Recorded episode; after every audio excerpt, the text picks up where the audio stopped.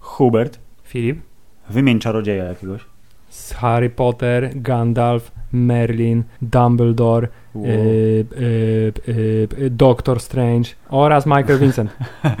Mili Państwo, yy, ten odcinek podcastu, odcinek numer 129, poświęcony jest tematowi, który nie do końca jest klasyczny dla tego, co my tu uprawiamy z Hubertem. Y, Ale, Ale, jest klasyczny w swojej y, istocie. Tak, jest klasyczny w swojej istocie. Y, Nadarzyła się okazja y, zapewniona nam przez instytucję Estrada Poznańska, żeby porozmawiać z ciekawym człowiekiem. Otóż y, w Poznaniu w, we wrześniu, y, Poznań, fantastyczne miasto, Pozdrawiamy. tak, odbywał się drugi Międzynarodowy Festiwal Iluzji 52. Myślę, że 52 to jeśli chodzi o, jeśli chodzi o karty w talii. Tak, to jest takie moje, taki mój domysł to jest. Ludzie, którzy parają się e, piękną, klasyczną e, i trzeba przyznać, że chyba dość trudną sztuką, e, Sztuką presti, iluzji. prestidigitatorstwa, Prestidigitatorstwa. tak, spotykają się w Poznaniu już po raz drugi, żeby uczyć się od siebie wzajemnie, żeby prezentować swoje możliwości i żeby zachwycać publiczność zebraną tym, co od lat już fascynuje ludzkość, czyli Czyli jak on to zrobił? jak on to zrobił do jasnej Jezus cholery. Maria, to nie, jest wierzę, niemożliwe. nie wierzę, że to jest prawda. Dokładnie. Yy, nagrywamy ten wstęp po polsku, bo myślimy po polsku, cytując bardzo dobry komiks 48 stron, ale to, co usłyszycie za chwilę, będzie w języku Szekspira. Jak to było w przypadku wywiadu z panem Timem yy, Allenem, yy, animatorem. Yy, wywiad z bardzo ciekawym człowiekiem, jakim jest Michael Vincent, magik pochodzenia brytyjskiego, który sprawia, że karty, te zwykłe karty, które wy bierzecie do ręki i widzicie, o, Askier, to one robią takie rzeczy, że o Jezus, Chciałem tylko dodać, że to ten, on mówi po angielsku i my też. tak, chciałem tylko dodać, że ten wywiad był równie zaskakujący y, dla nas, bo spodziewaliśmy się, że zadamy szereg pytań dotyczących tego, ej, a jak to się robi, że karta znika, ej, Tak. a to prawda, że David Copperfield lata i te, tego typu e, podstawowe pytania. Tymczasem okazuje się, że pan Michael Vincent e, On zmienił nas w lepszych ludzi, on Hubert. zmienił nie nas w lepszych ludzi, bo y, poczułem bardzo intensywnie, że sztuka iluzji jest dla niego nawet nie tyle sposobem na życie, ale całkowicie Jest jego życiem, to jest jego Tak, rdzeń jego to jest jestestwa. absolutnie stuprocentowa filozofia, która y, przenika każdy aspekt jego życia. Tak, bo a- na pytanie, czy co można, y, w sensie, czy bycie magikiem poprawia jego codzienność i przydaje się, to odpowiedział nam, odpowiadał przez 20 minut prawdopodobnie, sprawiając, że zaczęliśmy się zastanawiać, a jak my byśmy zrobili? Hmm, a może powinniśmy tak samo postępować jak on? Dlatego y, posłuchajcie y, razem z nami, jak pan Michael Vincent opowiada o naprawdę ciekawych rzeczach w sposób szalenie interesujący, a my od czasu do czasu staramy się zadać mu pytanie. Nie bójcie się. Y, Oprócz tego, że ta ponadgodzinna rozmowa dotyczy tematów y, dużo poważniejszych niż zwykliśmy się nimi zajmować y, w podcaście Hammerzeit, to na końcu i tak zjeżdżamy w temat superbohaterstwa, który i tak przez Michaela Vincenta został wyciągnięty na lewą stronę i sprawił, że stał się dużo głębszy niż byśmy się spodziewali. Tak, i być może od tego momentu my również będziemy zupełnie inaczej patrzeć na książki z obrazkami. Życzymy zatem miłego odsłuchu tej rozmowy w języku angielskim. Wierzymy, że dacie radę. Pozdrawiamy Michaela Vincenta, pozdrawiamy Was, drodzy słuchacze i bawcie się dobrze.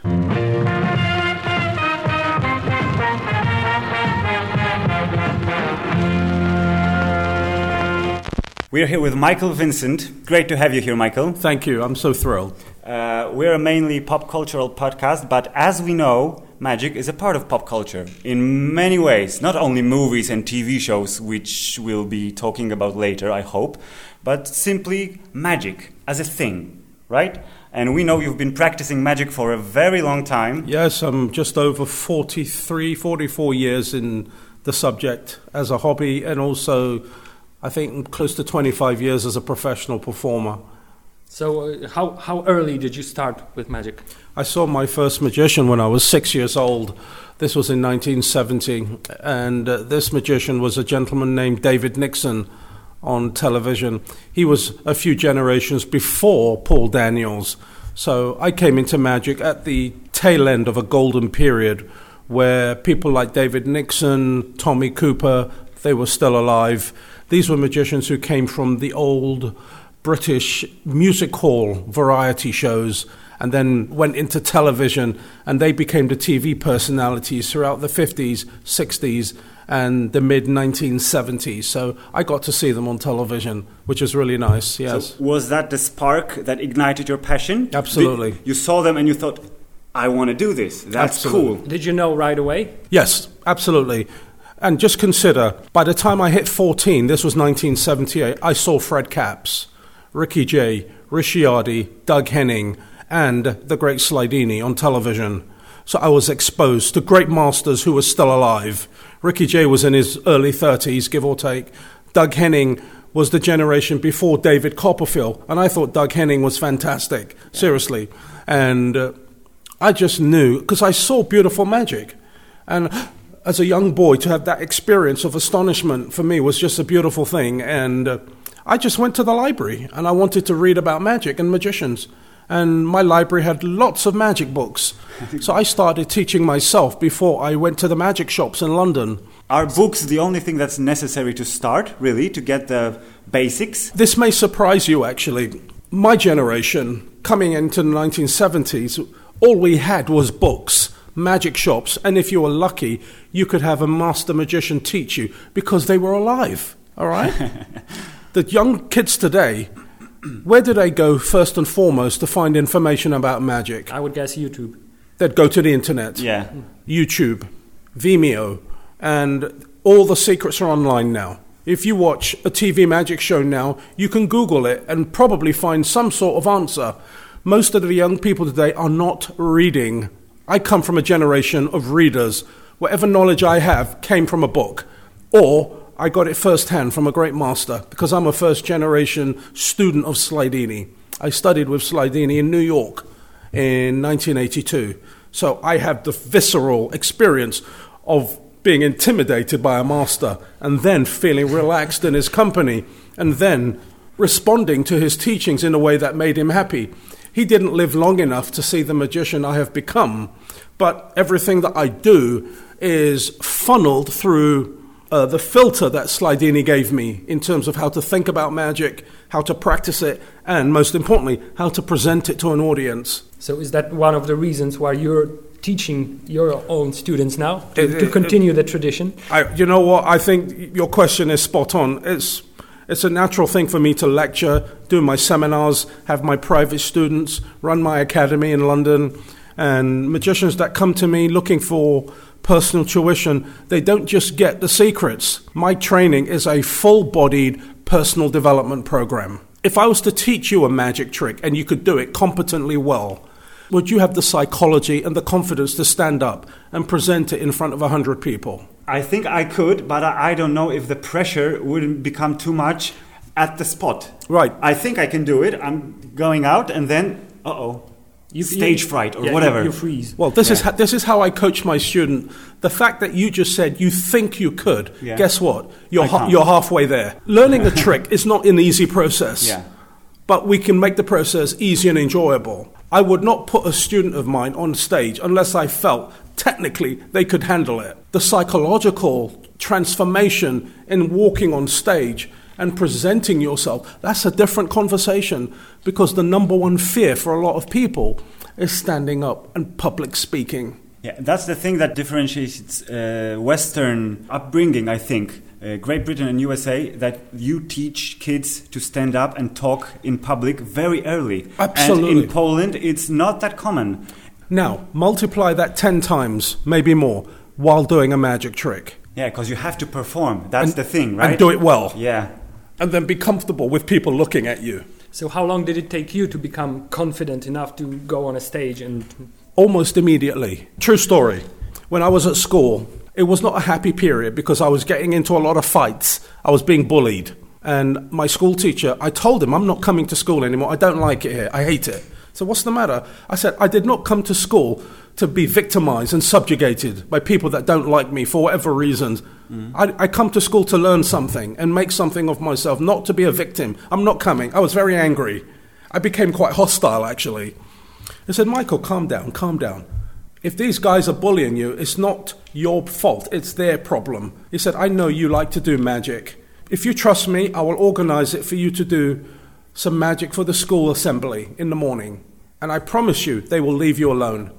I said, Why would they leave me alone just because I can do magic? He said, Because you can do something they can't, and they will not be able to explain it. You will have power. I was only 14 years old. He was right. I was, I was shaking like a leaf. So, in spite of this, I went on and I did two magic tricks, and I got the applause. In this moment, as a young boy, for the first time in my life, I got approval and acceptance from people. And this became like a drug to me. And psychologically, did something to my brain. I thought, wow, if I could be a good magician, I could survive. This is a psychological neurosis here, not the subject. Because in that moment, I made a calculation and a choice to master magic, not because I love the subject, but because I could do something that people couldn't explain. But it was a tool for survival initially. And then I met Slidini. So it was like a kind of a coincidence, or did you seek him out? It was the perfect alignment of the stars.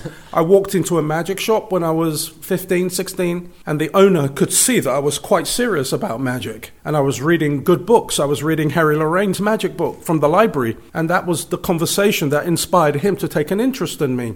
And then one day I said, Alan, his name was Alan, I said, There's a magic show on Christmas Day. It's called Dick Cavett and Slidini's going to be on television. He said, watch it. And what, in the holiday, after Christmas, come back and tell me what you thought. So I went back into the magic shop on after Christmas. I said, Alan Slidini is fantastic. I've never seen magic like this before. I said, where can I learn that? Oh, you can read his book. What, he's got a magic book? He goes, yes, The Magic of Slidini. I said, who wrote it? He said, Lewis Ganson.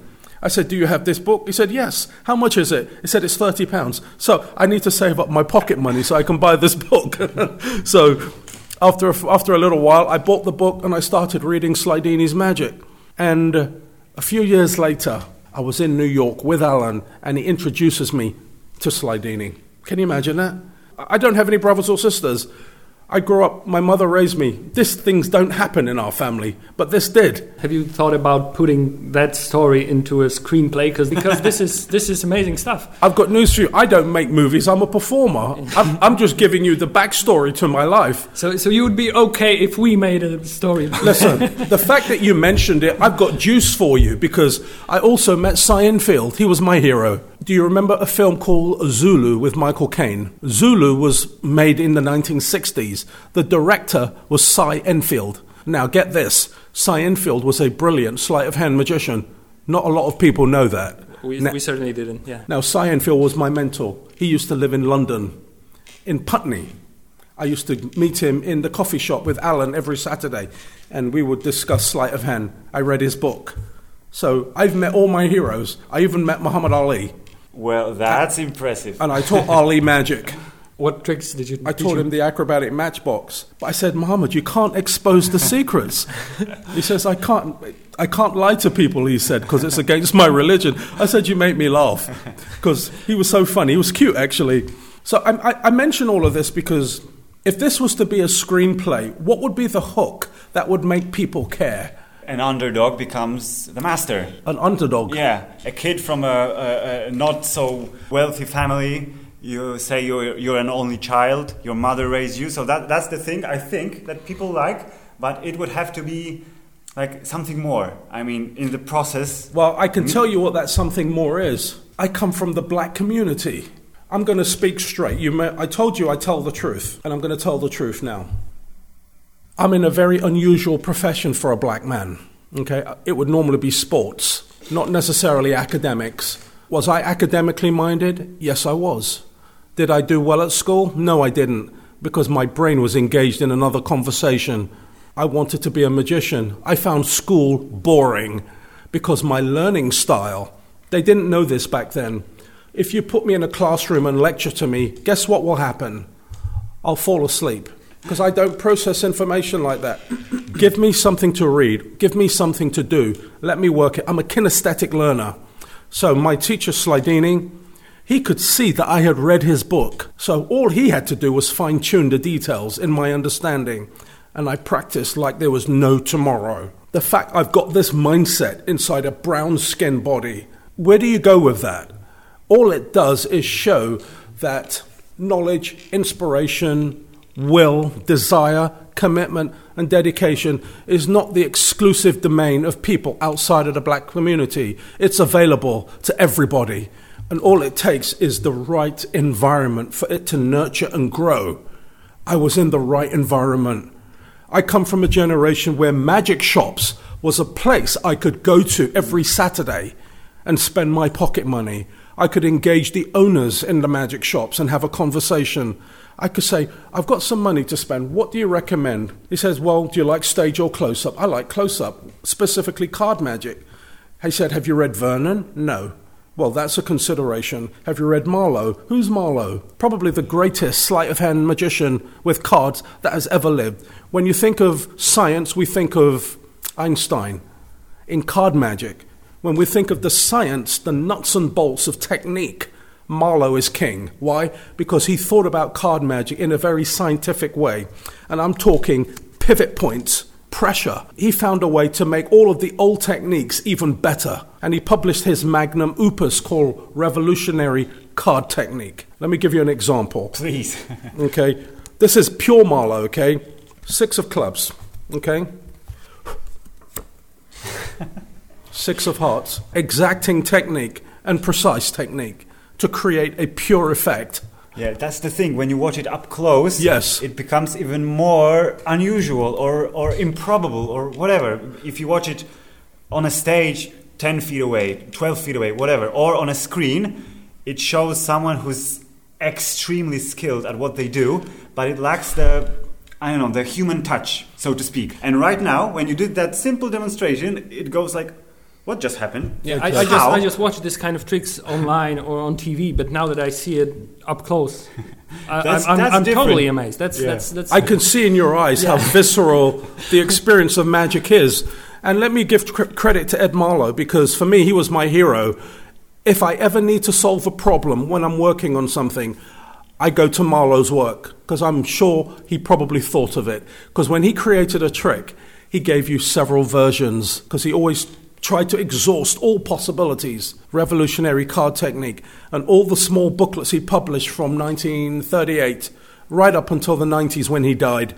Would you believe I went to Chicago just to meet him? And when I got there, they told me he was in hospital. I had a miserable week in Chicago in 1989 because I wanted to meet Marlo and he was in hospital. I missed my chance. So it sounds like he was Batman because Batman has a has a plan for everything. Yeah. he, he sees every possibility. So Marlo was that guy. He was the guy. he was I- the Batman. He was the, the Batman magic. of card magic.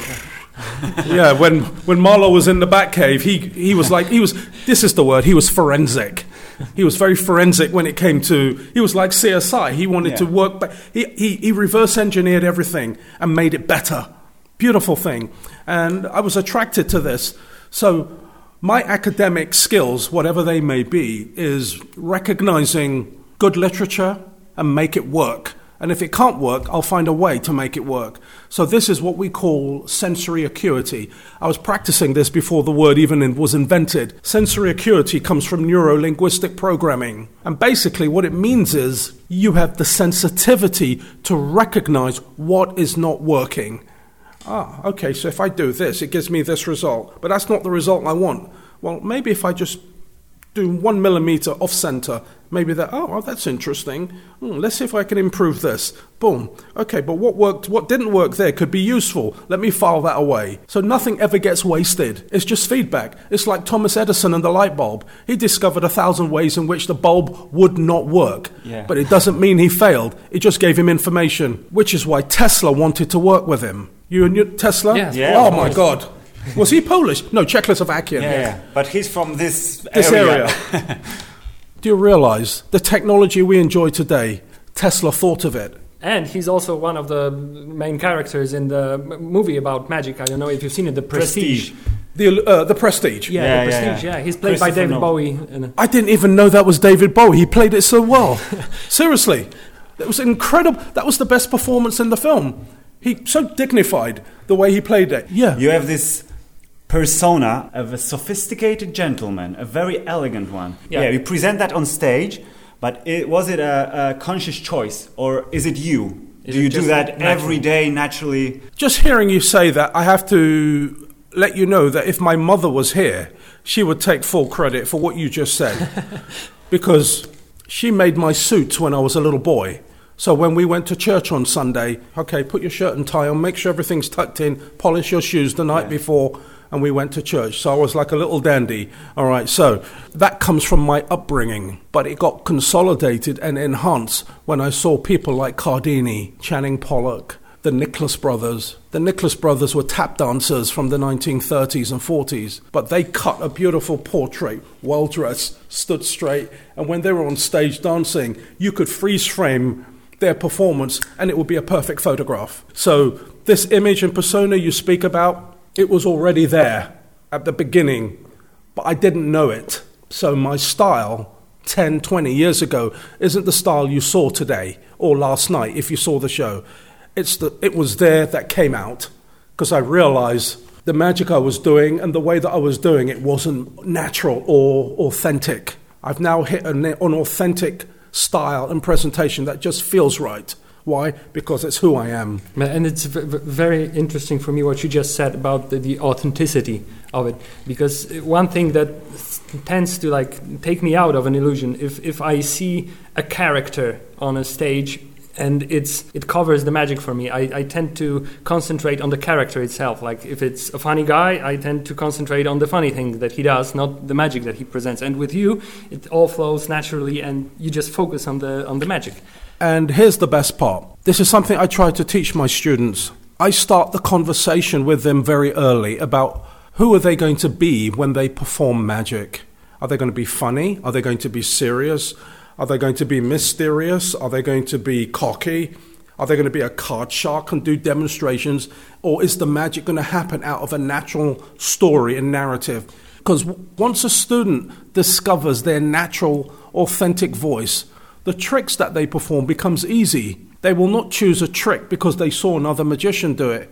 They'll choose magic or they will research magic that allows them the opportunity to express something natural and authentic about themselves to the audience. So the trick becomes a vehicle for their self expression, natural self expression. Were you able to steer them in the right direction? Any of your students? They think they want to be funny, but you know that's not the way for them. They should be, you know, mysterious. Well, that's that's a wonderful question, and uh, you know what? I'm going to be honest and say it's very difficult because I meet a lot of students now who are inspired by, let's say, Derren Brown, or they want to be like David Williamson, or they want to be funny like Bill Malone, and I can tell that's not who they are. But guess what I do? I let them do it so they can discover that's not them. Because sometimes the best coaching is to coach by doing and saying nothing. The student must learn to be independent.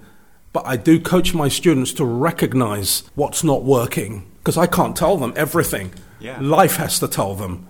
But I hope to cultivate within them the mindset of sensory acuity. That's the most important thing. Practice it and tell me if it works. Come back and tell me your feedback. Why am I doing this?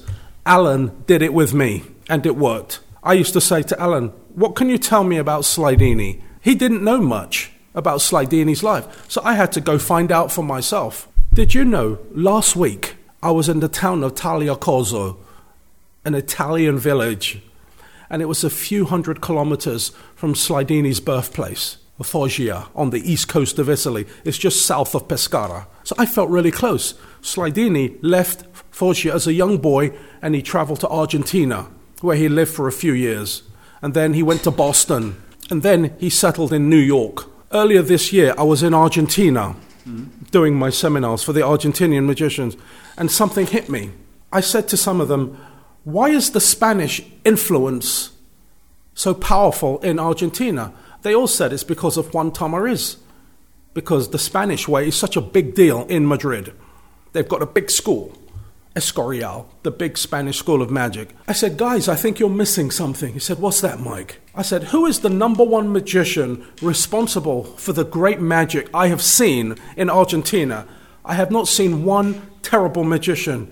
All of you have impressed me with your performances. And they all thought for a moment. I said, Well, if we had to pick one magician that's inspired the generations in Argentina, it would be Fu Manchu. Fu Manchu was David Bamberg.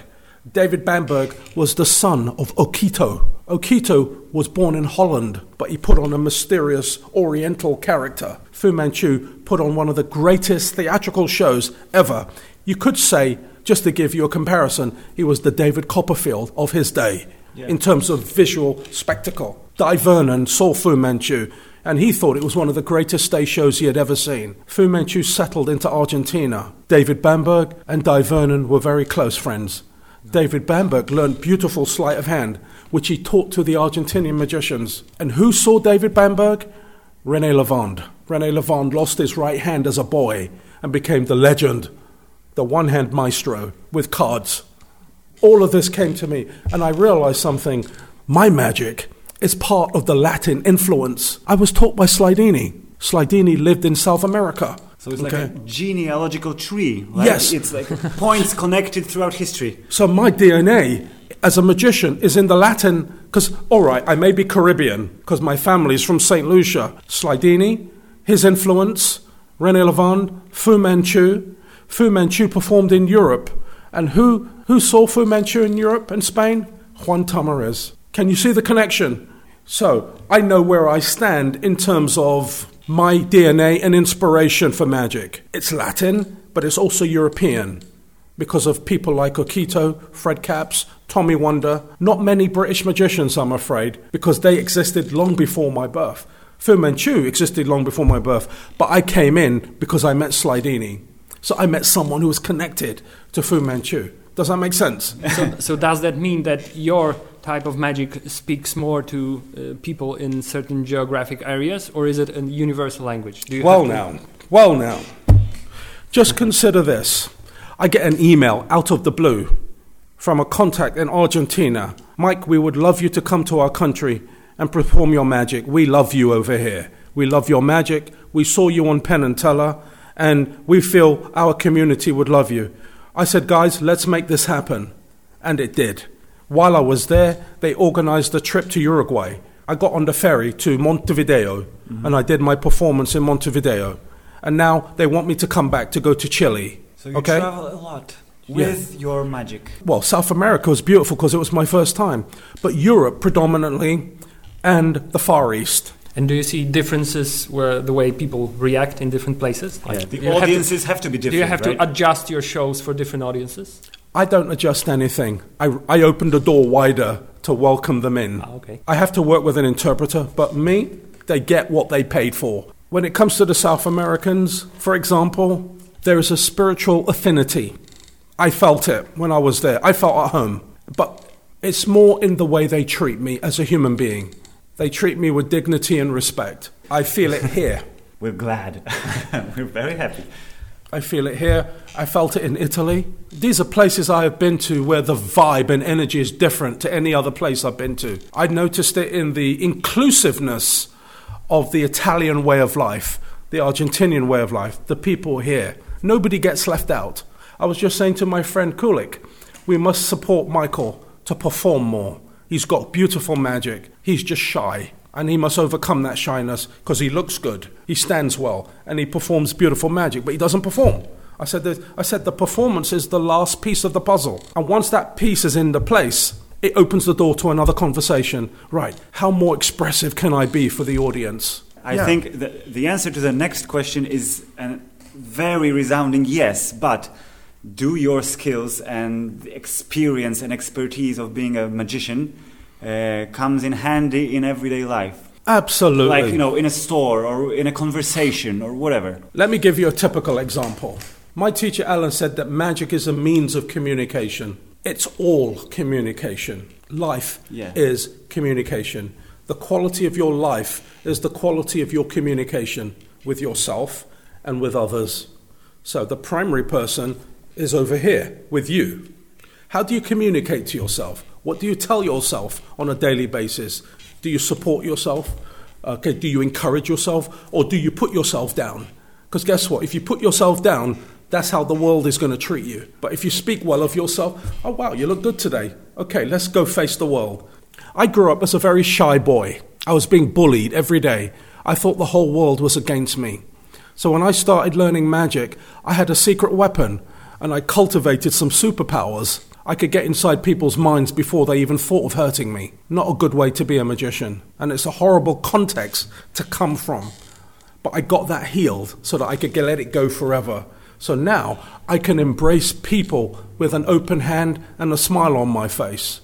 So when I meet the waitresses in the coffee shops in town, I say, Good morning, how are you today? Wow, and I see the smile on their face. Do you want to know why? Because people ignore them. They just serve the coffee, but there's no. Int- how are you today? Have you had breakfast? And it takes them by surprise.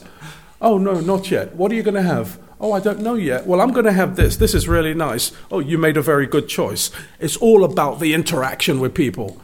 Because what is the world saying out there? Please notice me. Everyone is dying to be noticed and to be acknowledged in some manner or fashion. What is it going to take? Five, five seconds of interaction. Hello, good morning. How are you today? Those are the most magical words you can say to a stranger. That's a very British way of thinking. No, it's the. I, I know it should be universal because It's- it's, great, but when you come here and you do that, hi, how are you? That's the, the phrase that in Polish language isn't so often used. Just like when you meet a stranger, like you said, in a coffee shop or in a store or wherever.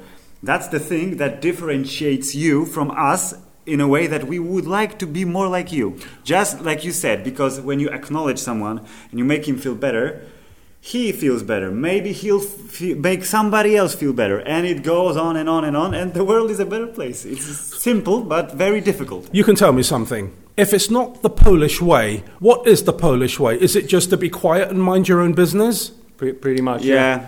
We are really uh, reserved. Yeah. Re- reserved. reserved. Yeah. In a way, we in contact with other person. Okay, so let me ask you a question. If if that's the way of being here, Yeah. how do you initiate contact with a stranger that could possibly become a friend? Right now, it's mostly online, probably, just like many other countries. But I think the, the thing you said, to initiate a contact with a stranger, is extremely difficult. Uh, I think you, I think you would need to have a like a to- Yeah, to- like a to- to- context. yeah, you need to. you go to a party, you, you know one person, you go with them, all the others are strangers, but you know someone, and that someone introduces you to someone else. And uh, that's the thing. You need a, a context, a social context, not just you know walking on a street and saying hello to someone, because they will think that there's something wrong with you. Why are you talking to me? I don't know you. That's the thing here. And the thing that when you smile to a stranger here, it looks suspicious. Uh-huh. When you smile to a stranger in London, it's not like, hmm, he's got an agenda, he wants something from me. No, it's just a smile. And when something like that happens here, when a stranger smiles to you, because he's experiencing a very great day, or maybe he met a magician and he taught him to be a better person, whatever. That's the thing that makes your day better. A simple smile. I, I, I've really heard something powerful in what you said. Context is decisive. And without that context, you'd be over here. And whatever's going on to there, you won't even really go near it. So I'm here to give you a different point of view in this conversation because we don't know who's going to listen to this. Yeah. So whoever listens to this, they're going to get the Michael Vincent point of view of life. My context, my overriding context is we've got this big ball of rock called planet Earth that we all live on and share. 8 point billion people. Think about that for a minute. And so much has happened on this ball of rock that has impacted the quality of life for people. Let me share something with you just to slightly go off topic. It's not lost on me what has happened in your country in the last hundred years with the Second World War, the first country invaded by the Germans. I get that. And it's had a massive impact on how the Polish people see themselves in relation to that event. But you've moved on from it. I'm here to say this is a beautiful country. You've got a beautiful culture. You've got a very gentle spirit, a very non threatening, non aggressive way of life and being. Now, to me, it means you're very approachable. I can say hello, and if you choose not to respond, that's okay. But it's not going to stop me from being who I am. So I have a challenge for you. The next time you go to a coffee shop, just say those magic words Good morning, good afternoon, how are you today? I'd like a cappuccino. Just try it and see what happens. You just don't know. And you will see the magic that I see every day. So the tricks that I do, the performance, guess what? It's just a natural part of my expression. But what makes this work is what I practice every day.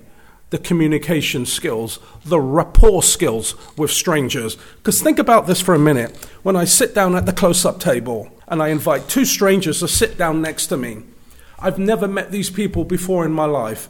Yet, in under 30 seconds, I've established a rapport with them faster than two people meeting for the first time out there in the world. I've got two people sat next to me, strangers, who feel comfortable with me and they're willing to share and play games with me. That's actually one of the things that fascinated me when I watched your videos online, because the way that you can get in contact with the people you sit at the table with, and how easily uh, they follow your instructions, and how you manage to work with them. Is that a skill you have to uh, work on for a long time? Or? Keep in mind, I was very shy. So alongside my magic, I became interested in personal development, communication, understanding the psychology of human behavior, rapport skills. I needed to understand how to improve my own communication with me. I needed to understand what does the world see when they look at me? Well, the first thing they see is that my skin is brown. So I needed to understand my own history. And what did I see? My mother is from St. Lucia, but our family came from Africa. Sierra Leone. On my father's side, they were mixed, St. Lucian and French. So I've got French blood. So I am Caribbean, English, French, European. I'm a real composite. Wow. I thought, so I've got all that inside of me. That's my DNA.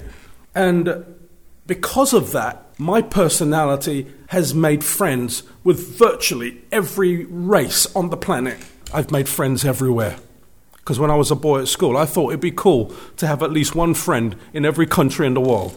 And it's happened. And the internet has made it possible for me to reach more people in one video on YouTube than anything possible.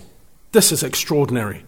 We've got this beautiful technology that we can reach. And this conversation, I don't know who's going to hear it. So I'm being responsible now in my message that whoever hears it, they will feel some level of connection with the three of us. Yeah. Do you get that? It's a beautiful thing.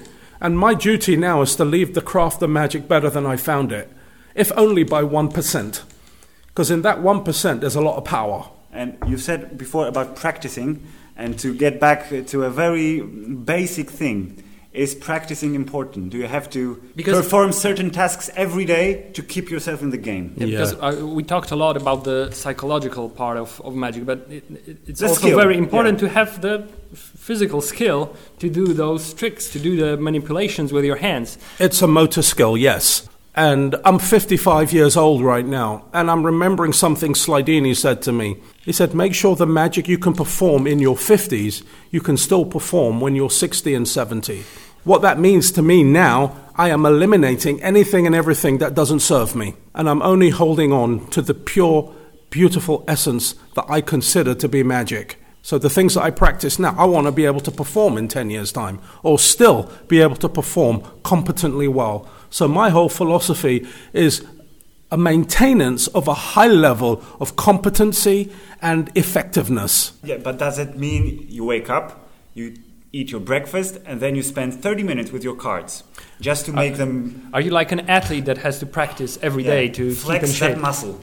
It means exactly that and then some. Because I have other things going on in my life right now which are not magic related, so it impacts on my daily schedule. So I'll be honest and say I am not practicing my magic in the way that I once did. What I'm doing is maintaining what I have. Once I've sorted these few things out, it will open up space so that I can start to study again and create new magic.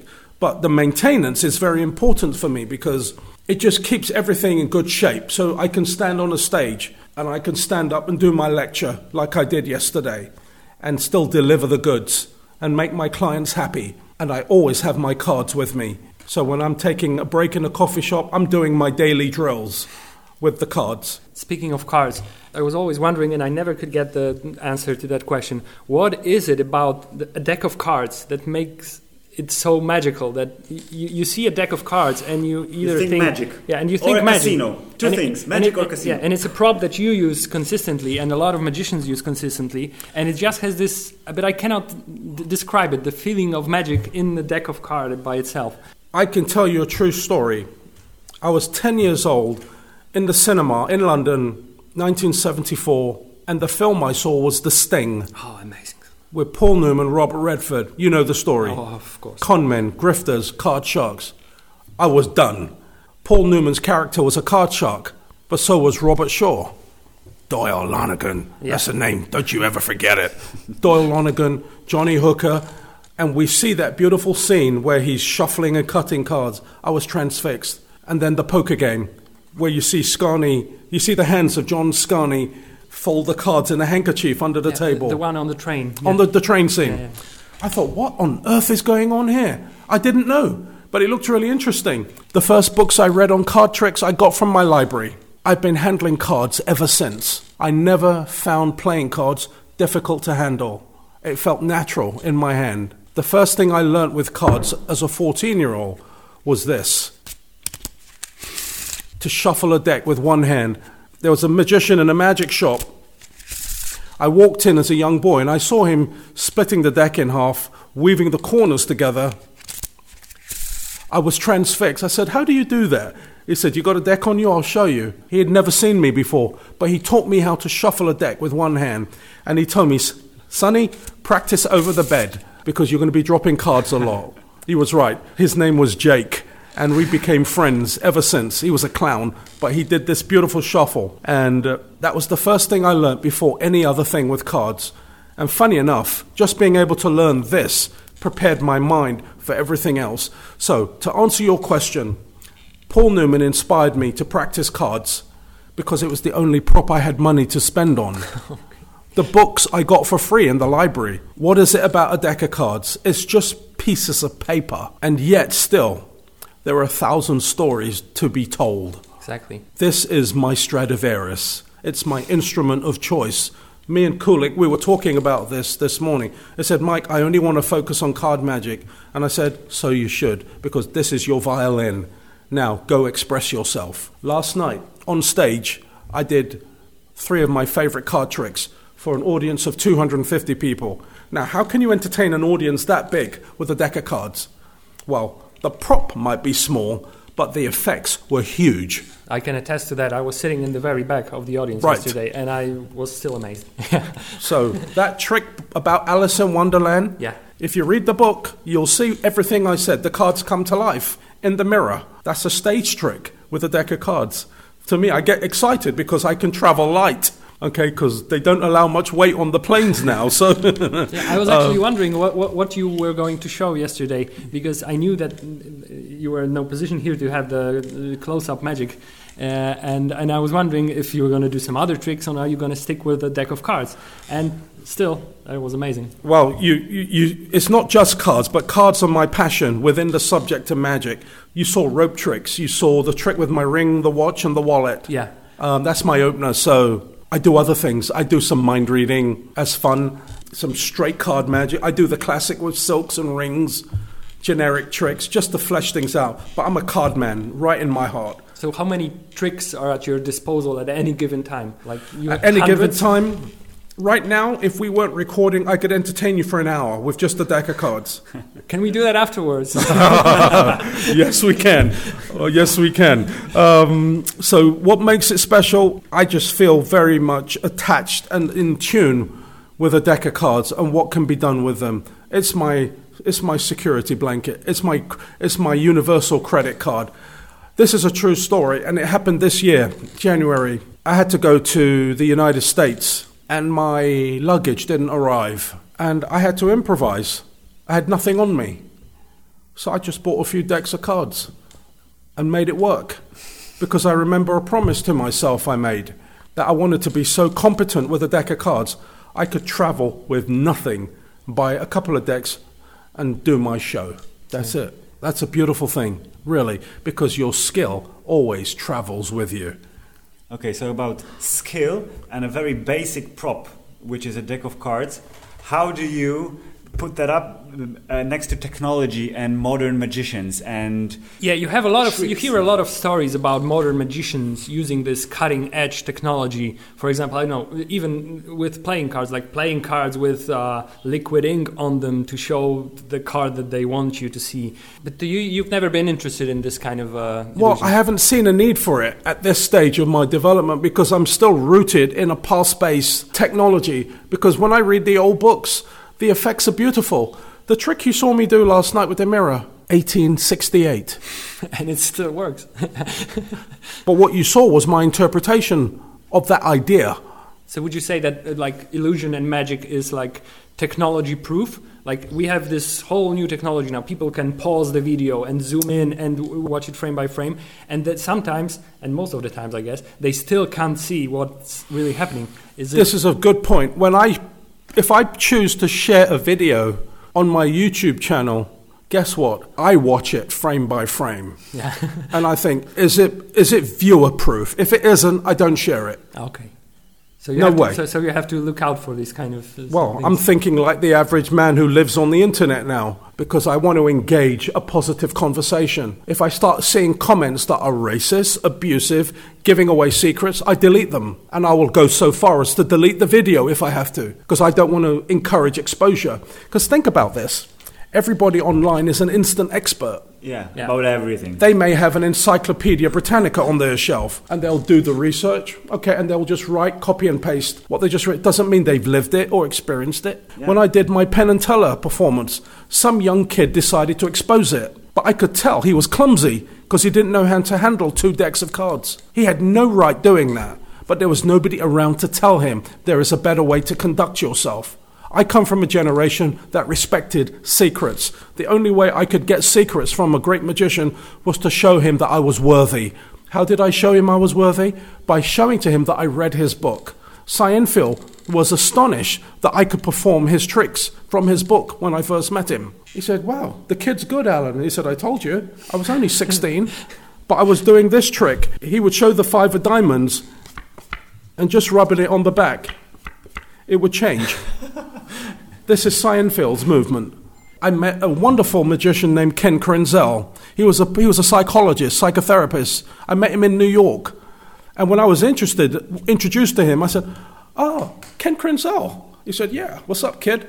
He said, I've read your book. He said, Really? Yeah, Card Classics of Ken Krenzel. It's a fantastic book. He said, I've been working on your mechanical reverse. I'm not sure if I'm doing it correctly. Would you mind giving me some feedback? So I did the move for him. He said, Come with me, sit down, let's have a conversation. He knew I was serious. Would you believe we became friends and we were corresponding until he died? So is the is the magical community still like that today? Like based on respect and secrecy and It can be if you approach it the right way. So I always tell my students if you want to meet whoever, learn one of their tricks and you've got a calling card. So if you should meet them at a convention, just go up to them, say hello, how are you? I'm so and so. I've been practicing one of your tricks. Can you help me? Richard Kaufman, great magician, he gave me the secret bullet. When I met him in New York, he told me don't ask for anything from anyone, but share. If you want to speak to so and so, show them one of their tricks and they'll take an interest. They need to see that you are serious because they came from a generation that looked up to Slidini and Vernon, Ed Balducci, and you couldn't just walk into that circle demanding anything. You'd get thrown out the door. Vernon, Slidini, they would sit quietly and watch. Okay, the guy, the kid, he's got chops. You would then be welcomed into that group if you could do the work. So there was a hierarchy, and you had to earn your stripes. So when magicians come up to me asking me to explain things, guess what I say? I said, I'm not in the business of free consultancy, so don't ask. if you're serious, go online and sign up onto my academy, and then we can discuss coaching and training. But it's going to cost you. But if someone comes up to me and shows me one of my tricks, I'll sit down and talk with them. No expenses. that's cre- that's creating context on the spot. powerful context.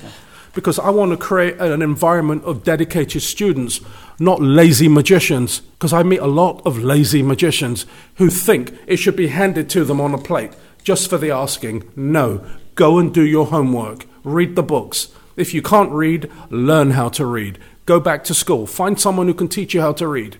Because reading is the source of all learning, not videos. Videos make you lazy. Monkey see, monkey do. But if you can read, you are engaging faculties in your brain laying dormant, and you will see things differently, and you'll start to recreate things beautifully. I'm encouraging a generation of readers. But when you watch other magicians, Yeah. uh, not just the top of the top, the best ones, but mediocre, aspiring ones, is it always fun for you, or is it like when doctors watch House MD? They can't watch the medical shows on TV because they know everything in advance. Is it like you watch this guy and you know what he's going to do, so you get kind of a, kind of bored? Does it spoil the experience for you? Well, I, I hear two conversations. First conversation, when I watch magicians, I'm watching them through the eyes of a coach, because that's what I am. Okay. And I'm hoping they will surprise me. If they don't, I'm wearing my coach hat. I'm looking for something that I can praise, because I don't want to shoot anyone down, because to stand up and perform is a big deal. So if they don't do a good job, it doesn't matter at this stage. What does matter is that they do not lose the courage to do it again. So I want to encourage them to get up and do it again and give them something to work on. Now, when it comes to spoiling the experience, get this this is a true story. I did my show last year, and there was a lady in the audience, and we got into a conversation right in the middle of a trick. And she said to me, Michael, why do you do this? I said, What? Magic. I said, You're a grown man doing magic tricks. Why? So I told her the story that I've shared with you. Yeah. I saw my magician when I was six years old. In that moment, I experienced real astonishment. And I knew there and then I wanted to be a magician. I didn't realize it at the time, but I signed on the dotted line with the goddess of magic. And the deal was if I learned to study magic, I give up the right to ever experience astonishment again in this way. Because I will learn so much, the experience will never be the same. oh, I don't have that. And because I don't have it, I now have a responsibility to give it away to my audience. So the only way I can experience it, sort of remotely, is to see it on the face of my audience. Okay. That's amazing. Does it spoil it for me? Yes, it does, because I will never have it. So when you watch, I'm guessing you did watch performers of a celebrity level, Yeah. like Criss Angel or David Blaine, Yeah. or uh, Dynamo, Dynamo. your fellow countryman. Correct. Uh, how do you respond to that? Because you watch a show with effects and I guess live audience on a street, but it's filmed, it's scripted in a way, it's Right. directed by someone, and how does it appeal to you? I can tell you. Let's take David Blaine as an example. I think he's fantastic. It took me a while to understand what he was doing, but I got it. He went right back to basics and he did a 360 degree turn and focused the camera on the response of the audience. Because at the end of the day, it's not about the magician, mm. it's about the audience and what they are going through watching the magic. So he took his ego out of the equation. He said, Hey, you want to see something cool? Watch this. And he levitates 10 feet in the air. He pointed the camera at a homeless person drinking coffee. Hey, buddy, what's up? Hey, I want to show you something. And he starts to grab the man's coffee. The guy wanted to fight him for it because that's all he had. Yeah. He said, No, wait, watch. So he's moving the coffee in his hands and he visibly changes into coins. A cup full of coffee. He said, Oh my God, that's real magic. And he starts singing. In this moment, I, got, I felt quite emotional when I saw this because it reminded me of something Robert Houdin said. Magic really has no context, but it can do.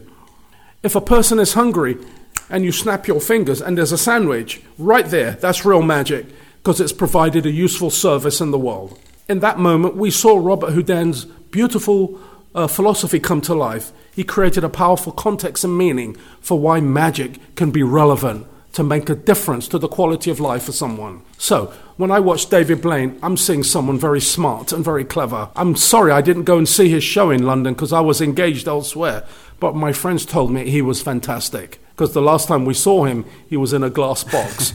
so, what has he done? He has used the medium of television, video, YouTube, call it what you will, and social media to generate a real cult like following.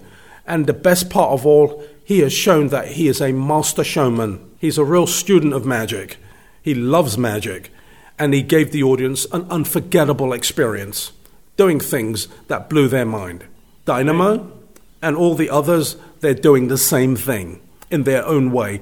So I take my hat off to them simply because whoever is in front of the camera on television, they have a big responsibility to the public, to themselves, and to the craft to leave it better than they found it. That's how I look at it. Uh, I wanted to ask Yeah. you about your i- i- experience with Penn and Teller Okay. and Fool Us.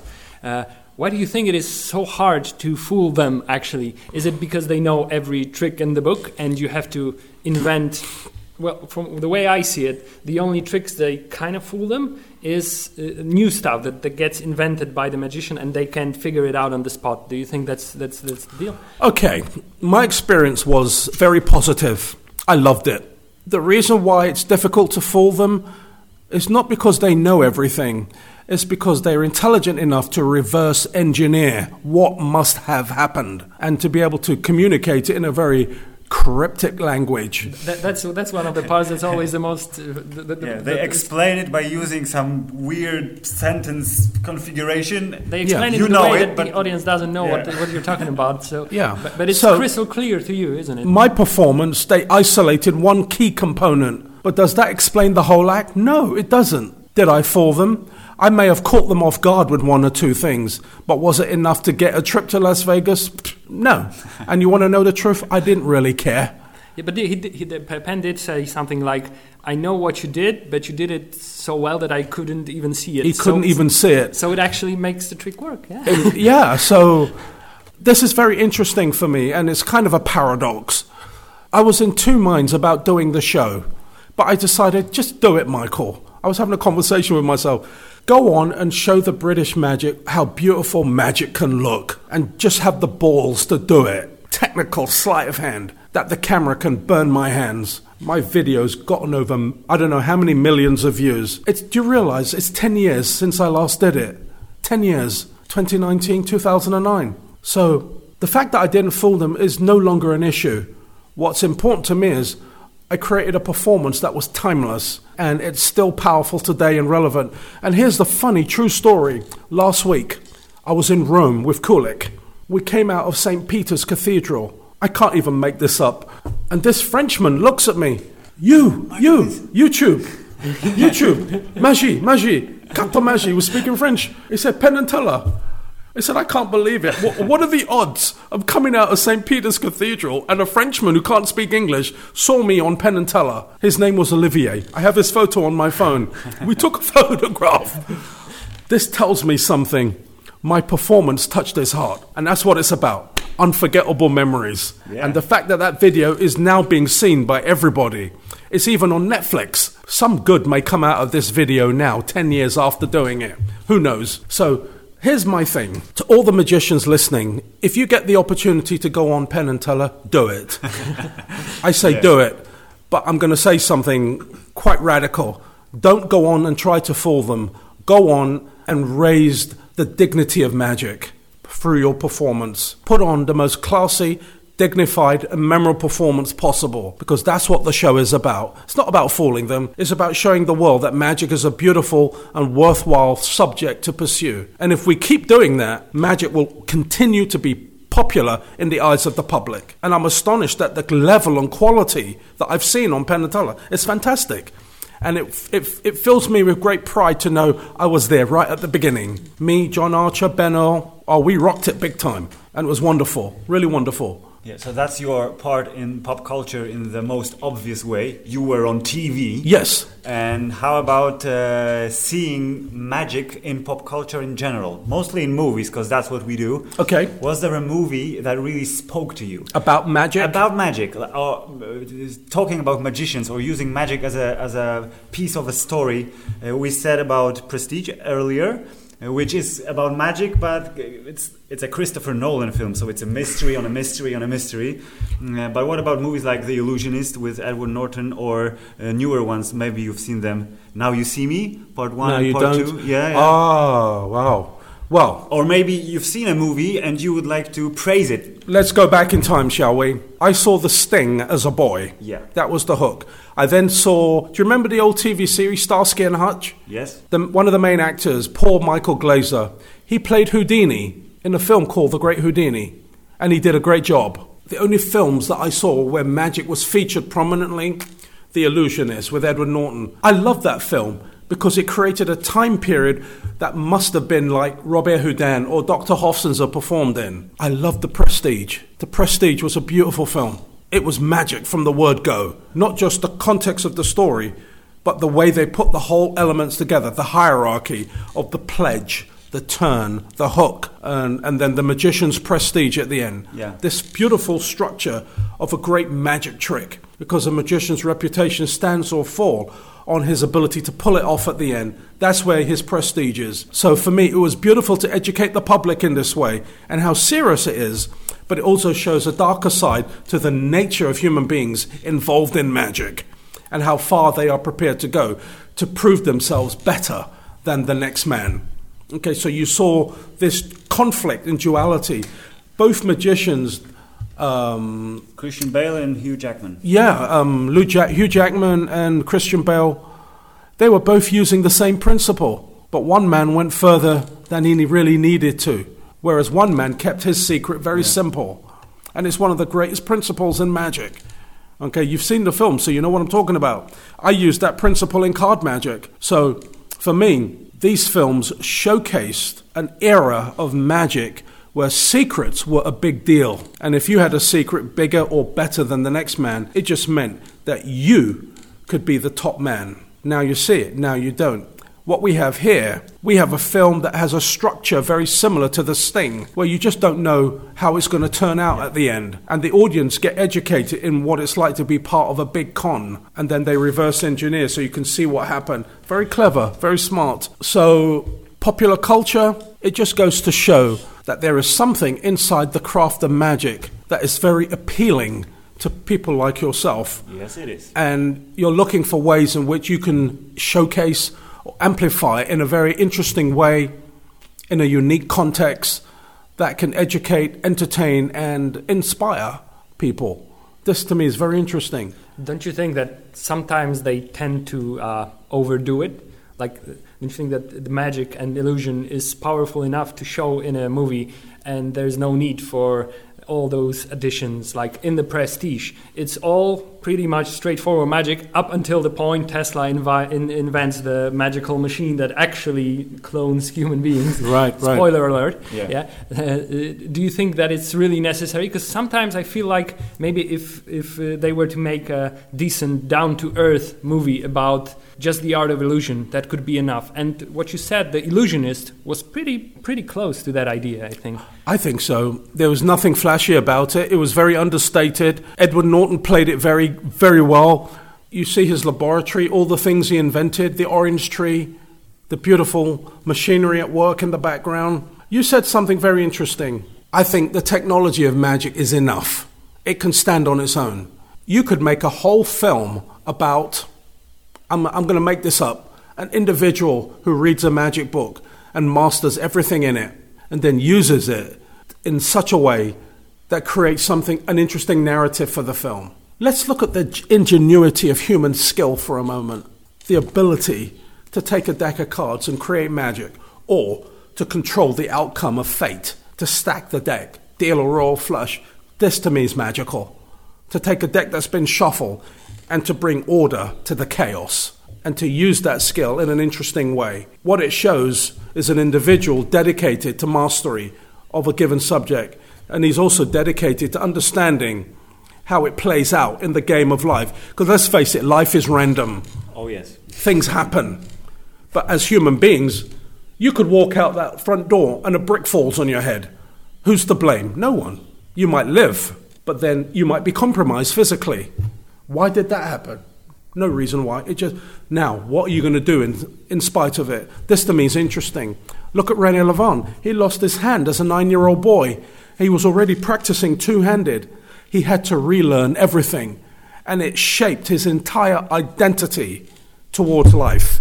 I was a shy boy, but I met all my heroes. I was like going into the school of Jedi Knights, learning magic, and each classroom gave me a different lesson, and I absorbed all of it. Marlo, Vernon, Slydini, Darwin Ortiz, all my heroes. Boom, met all of them. The only team I didn't meet was Kaps and Marlo. You were shaped by all your experiences, Yeah. but you made Exactly. them happen in Sorry? a way. You made them happen in a way. I like to think so. I like to think so. And I like to think of Slydini, whatever he may be, the spirit, let's just say it's alive and well inside of me. Because as a first generation student, I'm an ambassador for what he taught. So when I do my lectures, they may as well be watching Slydini. So for me, the technology is more than enough. And to put extra bells and whistles on it is to demonstrate how little faith you have in the human response to great magic. wow. It's Yeah. pure and it's visceral to do a card trick for someone and to give it meaning and context with nothing else but a conversation, a beautiful narrative. and now for time for the final question. This it's becoming a sort of tradition with us. As we said at the beginning, we're mostly a pop culture podcast, so we have to ask you, who is your favorite superhero and why? Superhero. Yes. Oh, wow. Just one. You can choose uh, three. Let's say three. If if you're up to it, let's do three. Three superheroes. Well, I grew up reading the comics, Marvel and DC. I love the X Men. I'm going to choose someone from the X Men. Is it Gambit? Is it Gambit? Well, Gambit's cool, but we didn't see much of him. No. I wouldn't choose Wolverine because he's too angry. Do you know who speaks to me the most, even though she's quite sad? Mystique. She's all blue, Yeah. but I think she's beautiful. Seriously beautiful. And she can change into anyone. And to me, Mystique represents something that I believe very powerful about human beings. We have the ability to assume any identity we choose. If I was to spend time in your company for a week, I could mimic you. I could study your mannerisms. We could engage in conversation. I could understand your rules and your values, how you see the world. And I could literally walk the street, meet your friends, and be you for a day. Mystique for me is a fabulous superhero. She changes into someone and adopts everything. Yeah. So when I look at Mystique, I see an extraordinary mutation which we already have.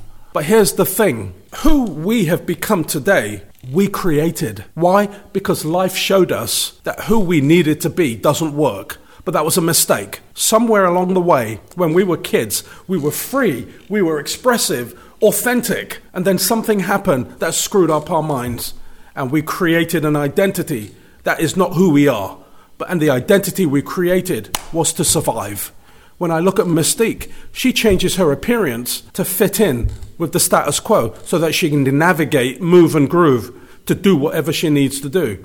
But who is she? She's the most gorgeous blue creature I've ever seen who is afraid to walk around and just be her natural self. Raven, whatever her name is. Yeah. Now, Raven to me represents the possibility of being free and authentic no matter how the world sees me. I can't help the fact that I'm brown skinned. I'm finding my own voice now, and my voice is rooted in the courage to speak the truth and to be the truth as God intended. So I choose Raven because she reminds me be who you are without any apology. Yeah, that is deep. That's a complete answer, I think. And, That's a and very I'm, good I- answer. I'm actually beginning to think that we should now stop recording and start a new episode talking just about the comic books. Ju- Just about. just comic about the comic books, because it seems to be a lot there. yeah. Another way to connect with someone, to find their another passion. Yeah, Oh, don't get me started on Batman, please. Because I love Batman. Who doesn't? because it was a toss up between Batman and uh, Raven. Because let me just put this on the table for a minute. Are we recording? Yeah, still. Bru- Bruce Wayne, young boy, he lives to see his mur- his parents murdered before his eyes. In that moment, he dies. The boy was no longer alive. Who he was in that moment, I can't even begin to tell you, because he has to make sense of a violent world. That was his first exposure of violence. The very thing he loves taken away. And as he grows up, he has to make sense of the violent world until he discovers the bat in the living room. What the hell's that? And then he finds the cave. And he, beca- he realized he was afraid of the bats. Then he goes off on his sojourn to try and understand the minds of criminals. He wants to understand the motivation of mm-hmm. criminals. Because in order to heal himself, in fact, in the Nolan films, he never really heals himself. He realizes he can't play that game anymore. I thought those films were magnificent, magical. I preferred Nolan to Tim Burton. But in fact, I love all of it. But the, the Nolan films really got into the psyche of the boy that becomes the Batman. And he creates himself, just like Mystique does. This ego, this alter ego, who's highly trained, skillful in forensic, physical, until he meets Bane and realizes he's no match. No way, not even psychologically. So to me, this is an interesting look at a man who created himself, but didn't really fully appreciate his limits until it was too late. Yeah. And he got out alive just in time. interesting concept. And it's not just a book with pictures, right? It's mm. a it's a true story about someone who could have lived anywhere, Yeah. at any time. Yeah. I don't look at Superman because he's an alien from another planet who took advantage of our atmosphere where his cells became drunk. Yeah. and he can do things we can't. That's not fair. Let's look at someone that's on the same landing as we are, but has the mindset to, to alter themselves. Peter Parker gets bitten by a spider, but he's a kid. Now, I'm looking at really polar opposites Batman, Raven, and the thought process that makes them become who they are, mm-hmm. not realizing that the authentic person is fighting to be free. That, that's a thing that most people, I think, don't look at when reading comics. Because it's, ooh, he, he's got muscles, he's got power, he's going to defeat the bad guys, and that's it. But when you get deeper and you try to find the meaning, it goes like the thing you just said. Who's And your, favorite, cool. who's your favorite superhero? we both have the same, it's Spider Man. Spider Man. Yeah, but it's pretty. I think it's because when we started reading comics, we were a bit younger than Peter Parker is, was in in uh, school, so we were looking up to the guy we could be in two, three years' time. So uh, p- p- p- that's I think that's the connection between teenagers. Yeah, yeah, He is yeah. a teenager with power. Exactly. But when he's not using his power, he's just a regular guy. That Yeah. was the most lovely thing. He Yeah. still had the same problems that we were facing. Yeah, in he wants to kiss a girl, but he's too shy. Yeah, yeah, yeah. But he's But, still but, Spider yeah, Man. but he's fighting s- super villains, but at Yeah. the same time, he can't speak to a girl because Yeah. he's too shy. And that's that's that Wow. resonated with us. Oh, some sure. level. Sure, I get that. And you know, I love Spider Man as a boy. My God, I, I kicked myself for giving away my comics because I had them. But the X Men was something else for me because, it, let's be straight what's our mutation? Who are we becoming in life? How do we show up in the world? When we're angry, what's our mutation? In the space of that anger, Wolverine didn't discover his claws until he was in such pain as a boy the bone claws. And we saw in the film, Raven didn't meet Charles until they were kids. But Charles knew, You're not my mother. Who are you? And they became friends. It's beautiful. And at the same time, it's tragic because society won't accept anything that's not the same. I say, to hell with that. Be who you are. Change the world. That's a great punchline. and to- that's a great way to yeah, to interpret all this conversation to make superheroes sound even more important. Yeah. In the context of all the things you've said. We thank you very much. That was a great meeting and a great experience. Oh, that was wonderful. Thank you so much. Koniec.